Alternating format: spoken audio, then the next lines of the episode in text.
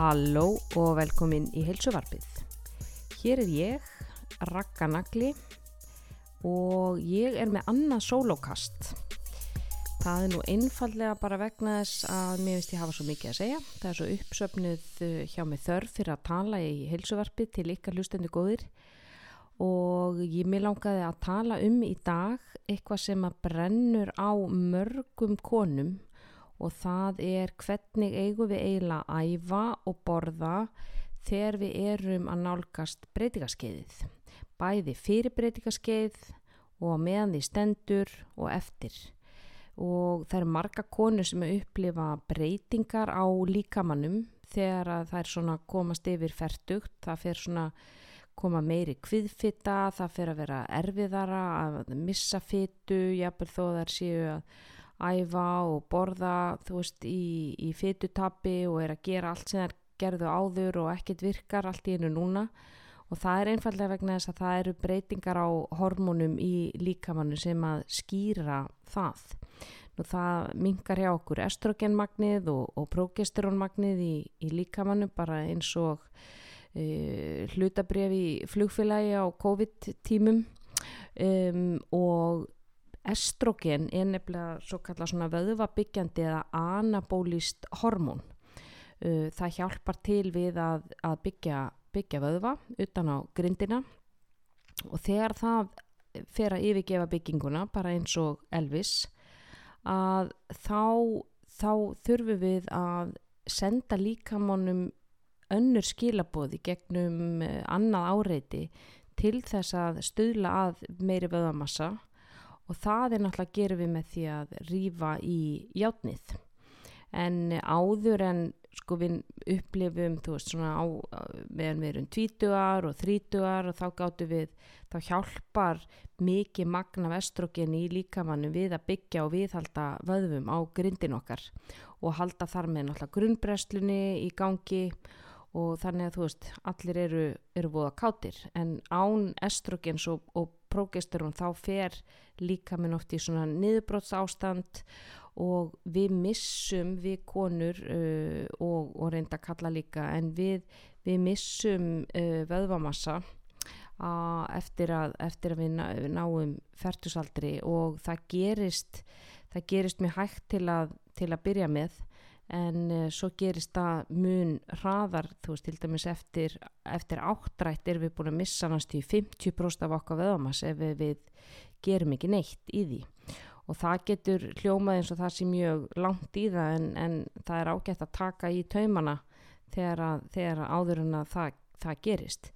En sérst við konur eru með uh, 70 til 80% uh, minni uh, byrðir af kreatíni og kreatín er uh, það sem er, er uh, stuðlar að krafti og, og, og styrk inn í vöðvafruminni og við erum sko með alveg 70-80% minna en kallandir og það er náttúrulega alveg rosalega, rosalega stór stórt, sest, stórt gat á milli okkar og, og, og kallana. En kreatín er svona þú veist það finnst náttúrulega inn í vöðvasellunum sest, inn í vöðvafrumunum og hjálpar þeim að framleiða orku í svona þessum æfingum að harri ákefð sem eru svona sprettir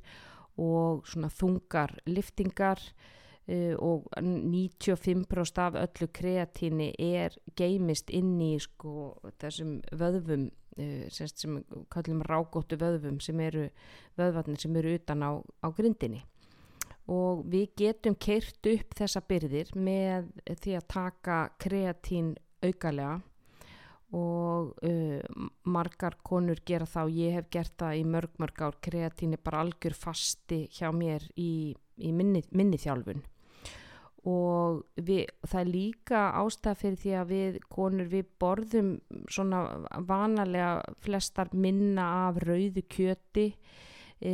nautakjöti samanborum en kallarnir eru þið viti, þeir eru í mannamatt þeir fara út og fá sér steik og, og þeir eru svona meiri kjött, kjöttkallar heldur en, heldur en við.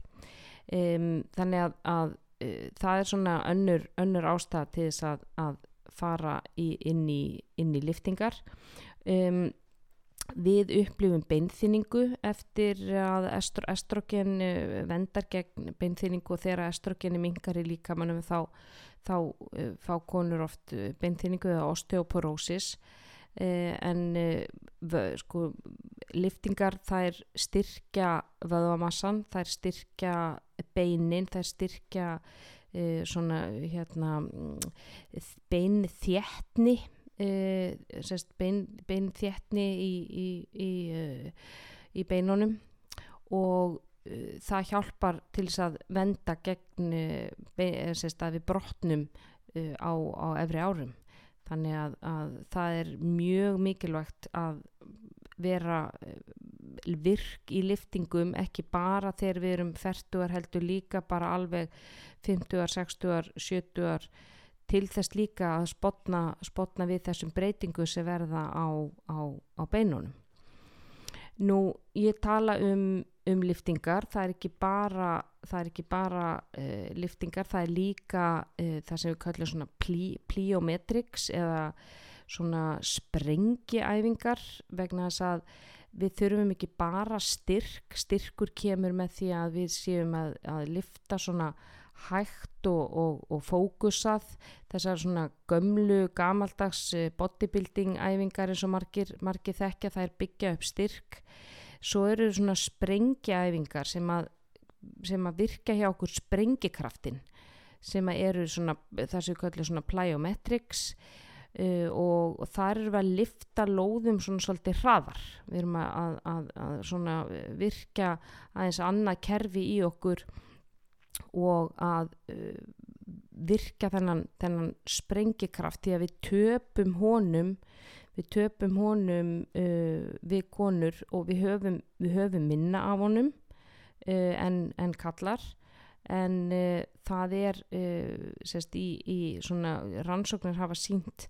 að, sko, að svona, þessi líkamlega virkni hjá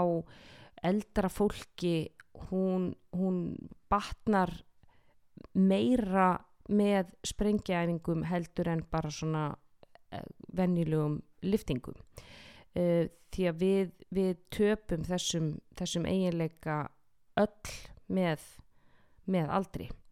Og maður sér það til dæmis sem maður horfir á uh, crossfit leikana og ef maður fyrir að horfa á masters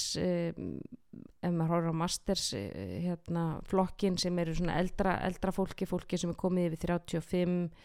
40, 45 þá sér maður að það, það er miklu miklu hægara að gera allar æfingarnar og það er bara vegna þess að líka minn hann, hann bara hreinlega getur það ekki.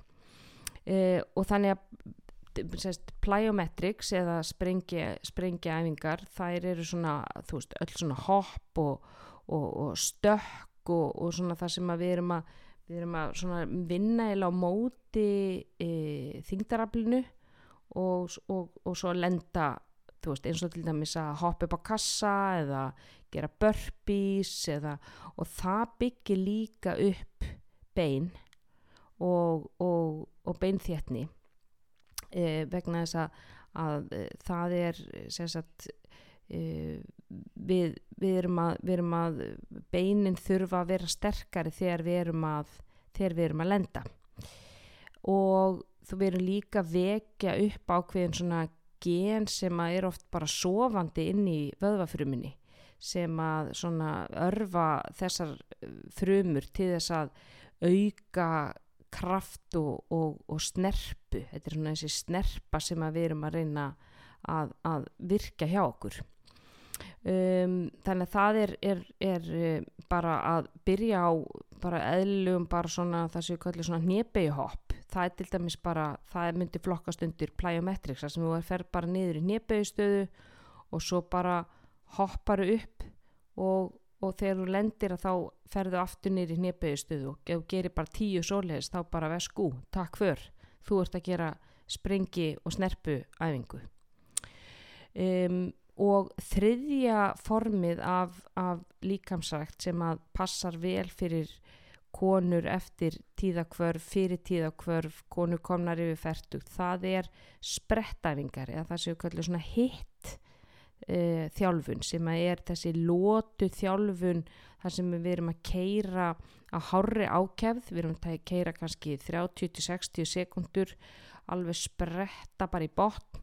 og svo tökum við svona 60 sekundur á lári ákefð jafnvel 90 sekundur ef við erum, ef við erum e, í, í svona erum að byrja erum byrjandur þá myndum við taka lengri pásu á milli, við getum að getur unni með alls konar hlutföll í, í sprettþjálfun, hvort að maður sé með þá, eh, sko það tala um svona einnamóti einum, það væri þá til dæmis spretta í 60 sekundur og, og, og, og svona reyna að, að taka rólera á milli í 60 sekundur. Það maður vinna, vinna í að blengi og maður er að raunni að kvíla. Svo er hægt að vinna með einnamóti tveimur, þá myndi ég spretta í 60 sekundur, kvíla í 120 sekundur. Og maður getur svona leikið sér með þetta, þú veist, maður getur sprettað í 30 sekundur og kvilt í 60, þú veist, hvað hvað hva er maður, en, en mikið lengri sprettir heldur en svona 90 sekundur þá ertu að fara að vinna á þessari, þessari miðlungsákefð og það viljum við rauninni ekki því að konur eru þegar mjög vel í stakk búnar til þess að vinna á miðlungsákefð. Við erum með, við erum með mjög hátt hlutfall af svona típu 1 vöðvaþráðum. Það eru þessir, uh, þessir rauðu vöðvaþræðir sem að hjálpa okkur þegar við erum að hlaupa til dæmis lengri vegalengdir, uh, það svona erum að keira á bara svona miðlungspúls. Það sem við viljum er að fara svolítið út í öfgarnar hinum einn. Við viljum fara og, og keira á þessum, sko, þessum kvítu vöðvaþráðum sem heita eru típu 2 því að við erum með miklu lægra hlutfall af þeim heldur en kallarnir. Þannig að við þurfum að stímulera þá alveg vel upp og við þurfum að, að senda líkamannum skilaboð um að sko, byggja upp veð, þann veðamassa og viðhaldunum með því að lifta þungt og þá erum við að tala um svona sex endutekningar eða færri. Þannig við erum ekki lengur í þessu svona miðlungs þessum svona 8 til 12 til 15 sem að marga konur í. Þá erum við að keira á þessari miðlungs ákjæfð aftur. Þú veist, þetta er, þá erum við raunni að, veist, þetta er erfitt og við þurfum að, að, að tíma til að jafna okkur eftir það en við vorum ekki alveg að keira á því þeirra ákjæð sem að, sem að við þurfum. Eh, það sem að gerist líka við liftingar er að við fyrir að nýta kolvetni betur en breytingar á estrogeni þær breyta hjá okkur insulín næmi og, og konur fara ofta að upplifa svona meiri kviðfittu, við fyrir að vera næmari fyrir, fyrir kolvetnum, uh, finnst allt í einu eins og við getum ekki borðan einn kolvetni og við bara fittnum af, af því. Það sem að Eh, liftingar og sprengjaæfingar og sprettæfingar gera er að þær þvinga líkamann til þess að nýta þessi kolvetni og þau sko draga kolvetnin inn í vöðvafrumuna svo að hún, hún nýtist, nýtist þar. Og, og það er, er e, semst, þá, þá getur við lift okkur að borða meira kolvetnum, við þurfum þau við, veist, við þurfum ekki að fara að sleppa þeim og fara á keto eða, eða, eða hvað. Því að sko uh, við, erum að, við erum að við þurfum kolvetnin bæði til að byggja vöðamassan og eins þá, þá, þá, þá dregur hann það inn í vöðafrumuna þegar hann þarf á því að halda í þessum sprettæfingum því að allar svona sprett og sprengiæfingar og liftingar er það sem að kalla svona glíkólítiskar æfingar. Það nota mikið kolvetni. Þess vegna er fólk sem er á keto, þeim gengur ekki vel þegar þeir eru í crossfit eða liftingum. Það, það bara verður, það, það, það er þá það líka minn að fara svona krísuvíkuleðina til þess að ná sér í orku. Hann vill bara kolvetnin í, í þessa vinnu. Um, og, og eins uh, það sem að það sem að, uh, við þurfum er prótín og konur þurfa um, mikið prótín til þess að byggja vöðamassa þannig að þegar að við svona förum að nálgast tíðakvörf eða breytingaskeiðið og erum fyrir breytingaskeið þá getur verið gott að skrúa þess upp í prótínintökunni. Passa alltaf að taka prótín inn eftir æfingu til þess að koma að stað þessu viðgerðaferli til þess að koma af stað bara uh, hérna, það sem heitir prótínmyndun í vöðvum svo hann byrja að sko, byggja upp nýjan vöðvamassa. Hann þarf þessar aminosýrur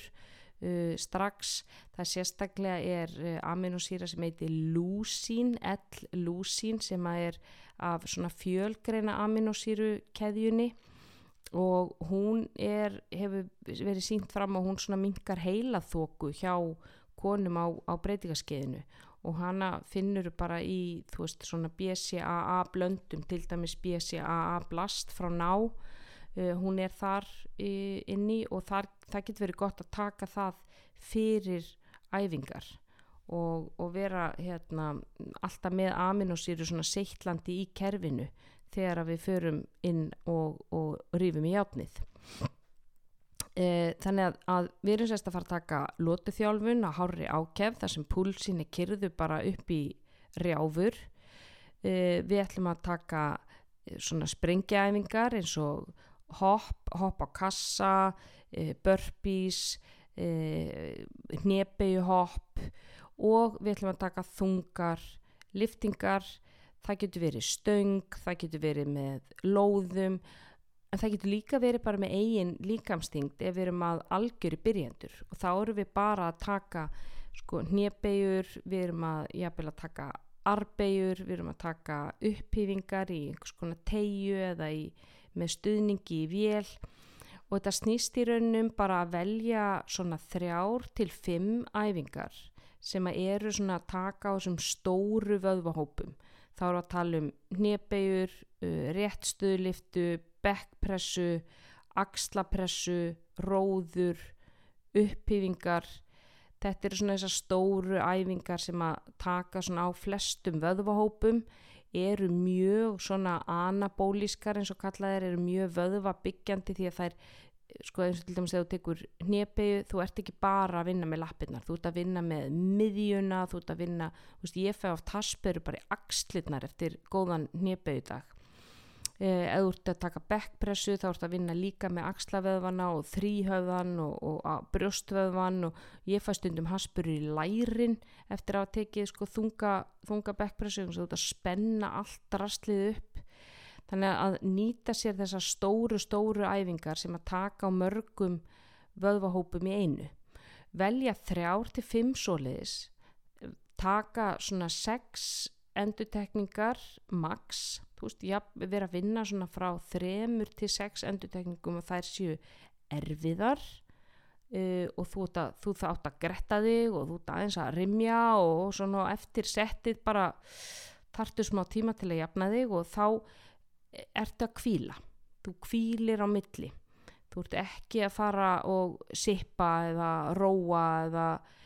þú ert að taka þér tíma til þess að leifa bara kreatinu og öllu að, að jafna sig inn í vöðvafruminu svo að þú geti farið aftur og tekið næsta sett. Og þú þarf að taka svona þrjú til fimm sett af æfingunni og þetta tekur ekki nema kannski 20 mínutur hálftíma. Þannig að fyrir konur sem er að byrja þá er þetta ekki óyfirstíðanlegt þú bara velur 35 æfingar. Ef þú ert algjör byrjandi, veldu þrjár, veldu þá þrjú sett, gerðu sex endutekningar, takk fyrir tíkall, lappar út, veriði blessuð. Þannig að við þurfum ekki að flækja þetta neitt mjög mikið. Eh, eftir æfingu er mikilvægt að næra sér vel og fara heim og fá sér prótín á samt kolvetnum og þá að miða við svona 20-30 gram af prótíni og svona kolvetni sem að væru þá svona 0,75 gram per líkamsþyngd og velja þá, þú veist, eitthvað svona góð, góð kolvetni uh, þú getur valið ávöxt en hann svona meira fyllir á sko glíkogen í lifur heldur en í vöðvum en að velja líka uh, havramjöl eða, eða jafnvel hrísgrjón eða hrískökur eru mjög góð kostur og passa bara að næra sig mjög vel því að við konur okkar við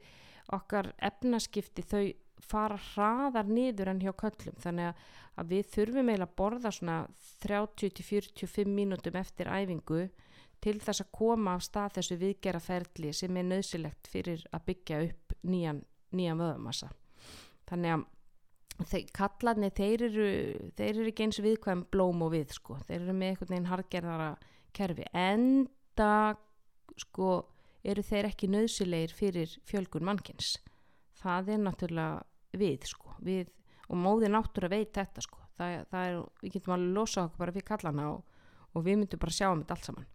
Þannig að hún gerir okkur mun viðkvæmari fyrir öllum allri föstu þannig að þú veist ekki fara fasta eftir æfingu eða, eða neitt svo leiðis um,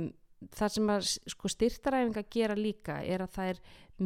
minga þessa sko þessa fytusöfnun í kringum líffærin sem er svona þessi hættulega kviðfitta sem sem að við sjáum oft. Uh, og, og, og þú veist það er svona að kalla svona visceral uh, fat á, á uh, ennsku og það er svona þessi uh, fita sem að leggst í kringum uh, inniblinn en uh, líka minn fer að nota fer að nota orkuna inn í vöðvana miklu frekar heldur en að geimana í kringum inniblinn og, og þá þú veist og, og rannsóknir sína líka að styrtaræfingar þú veist við viljum svolítið, konur vilja oft bara vera svolítið í í hérna kardjónu og höldum að það sé sko fytubrennslan sem við, við þurfum og við séum bara svitni eins og grís á teini og, og hamast í kringum allan, allan salin um, að það sé það sem ben, brenni fytu en í rauninni þá er sko erfið, erfið styrtaræfing Uh, hún brenni mun meiri fyttu því að það er verða svo óbúslega mikla breytingar í líkamann og hann losar út vakstarhormón þú veist hann keirir upp testosteronið svo er bara all, allt hreinsunaferlið og eftir. Þetta eru bara eins og veist, skúringakonur að, að, að hreinsa upp eftir bara unglingapartí.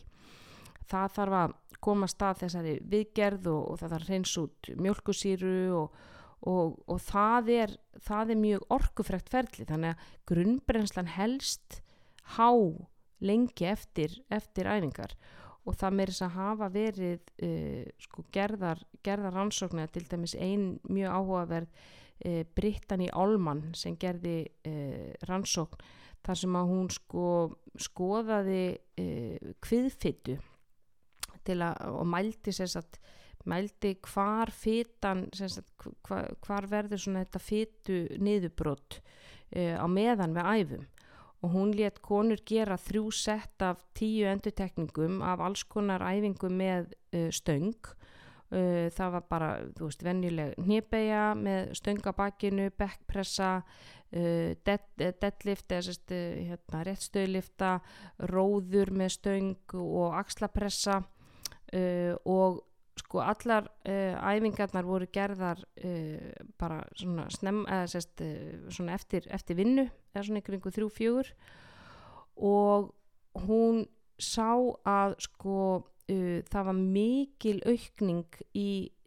í, í sko nýtingu á, á fytuvef í kringum kviðin bæði á meðan og strax eftir æfingu og svo var líka sko, meiri heildar uh, fytubrensla heldur en þegar að uh, þegar að var bara að gera, gera kardió og það var allt saman sérst, var uh, talið að væri út af sko vakstarhormónum adrenlíni, noradrenlíni sem allt saman stýður við því að líka með nýtir fytu vef í, í sérst, á þessum í, í æfingum. Þannig að styrtaræfingar þó að þær sko framkalli ekki þú veist við erum ekki móðar og við erum ekki að svitna þá er samt rosalega mikið að gerast. Fyrir utan það að bara það hafa auka vöðvamassa utan á sér það eigu grunnbrennsluna því vöðvar eru rosalega orku frekur vefur. Það þarf mikla orku til að viðhalda hann því hann er svo virkur ég meina fítan er bara hún er bara lött og, og, og liggur bara aðna þannig að, og við sjáum það líka við konur sérstaklega að ef að við rýfum ekki í átnið í einhver tíma að líka minn er rosalega fljótur að losa sig við vöðvana. Hann ennir ekkert að hafa það er bara, þeir eru bara þeir eru bara svo hérna, freki frændiðin í, í, í fermingavislunni sem að getur alla veitingarnar þannig að hann, hann losa sig við vöðva mjög, mjög hratt. Þannig að það er líkilatri fyrir okkur konur að e, lifta og eins og ég sagði þá að lifta bara svona 3-5 æfingar 3-5 sett cirka 6 endurtekningar svona 2-3 í viku taka síðan e, taka síðan sprettæfingar svona 2 í viku 3 var alveg max og þá annarkvort sprettæfingu eða svona einhvers konar sprengjæfingu eða blanda því saman e, og þá erum við að tala um svona 15-20 mínútur. Ekki, ekki mikið leng, lengur en það. Við viljum heldur ekki keira kortisólið algjörlega upp í rjáfur og vera í 45 mínútur því að ef að þú getur verið í 45 mínútur með sprettæfingu þá ertu bara reynilega ekki taka nóg vel á því. Það er bara þannig að þú átt að vera helst bara sjúa puttan og ringi mömmuðina eftir 15-20 mínútur. Þið langar bara ekki gera einn einasta spretti viðbútt þannig að það er, er pælingin að þú sért að keira þetta svolítið út og svo er það bara búið. Takk fyrir. Verið blessuð, ég er farin. Um, og, og það er góða við sprettæfingar að þetta gera hvað sem er. Þú getur bara að reyma þig strillurnar og hendur út um, út um hurðina og þú getur bara gert þetta bara hérna út á næstu gangstítt bara spretta á milli ljósastöðra eða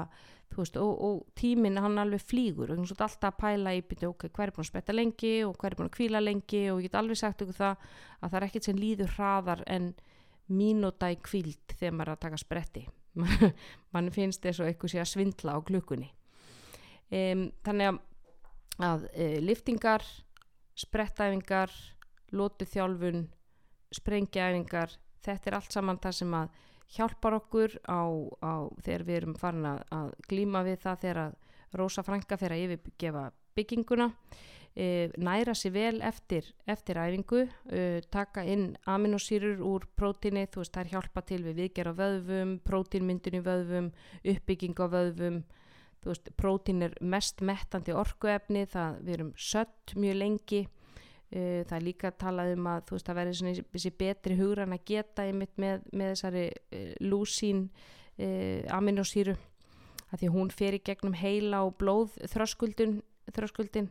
og við oft upplifum svona minni, minni kvíða og minna svona uh, sjálfsniðurif og, og það er svona að tala um hún mingjaðins streitu.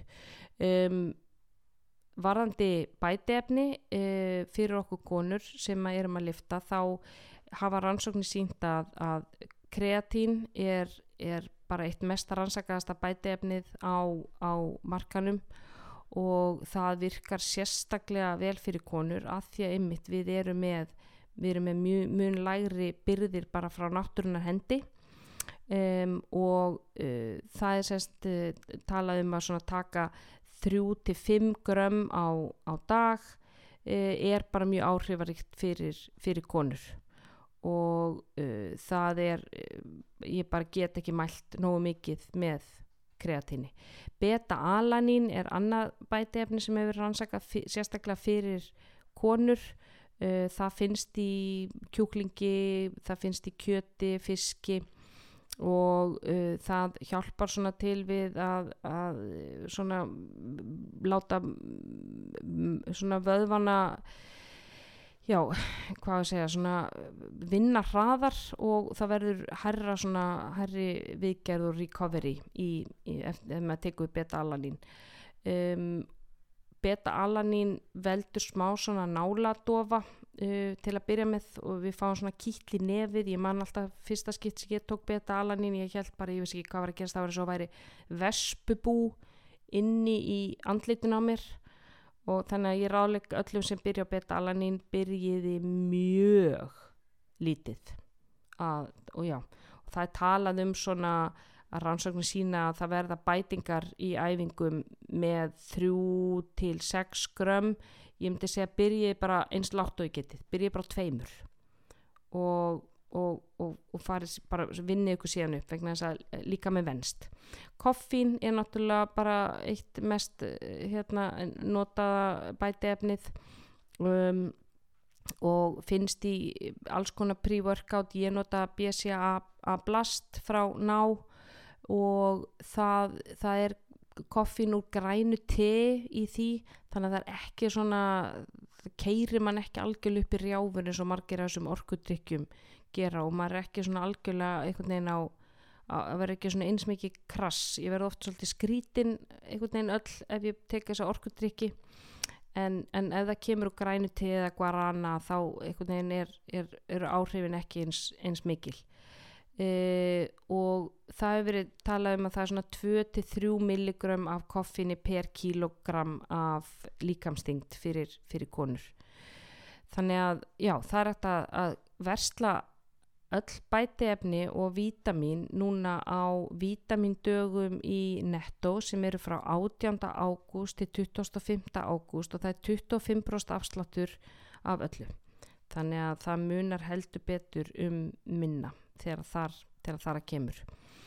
Um, já, þannig að þetta var svona það sem ég hafði að segja. Ég vona að þið hafi haft eitthvað eitthvað gagn og, og gaman að uh, þessu bladri mínu uh, en eitt sólókastið, ég fer nú að fara að fá gesti í heilsuvarpið svo ég sé ekki bara hérna að bladra út í, út í vindin og uh, stela allri aðteglinni frá öllu þessu flotta fólki þarna úti. Ég er með marga í hausnum uh, sem ég ætla að fá í viðtal og það verður bara, það er flottu vetur framöndan.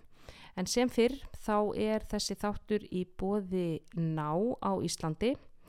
og það er að uh, fá alla návörurnar í, í háverslun sem er upp á Lingálsi 13 og eins eru þær til náttúrulega í netto og háverslun.is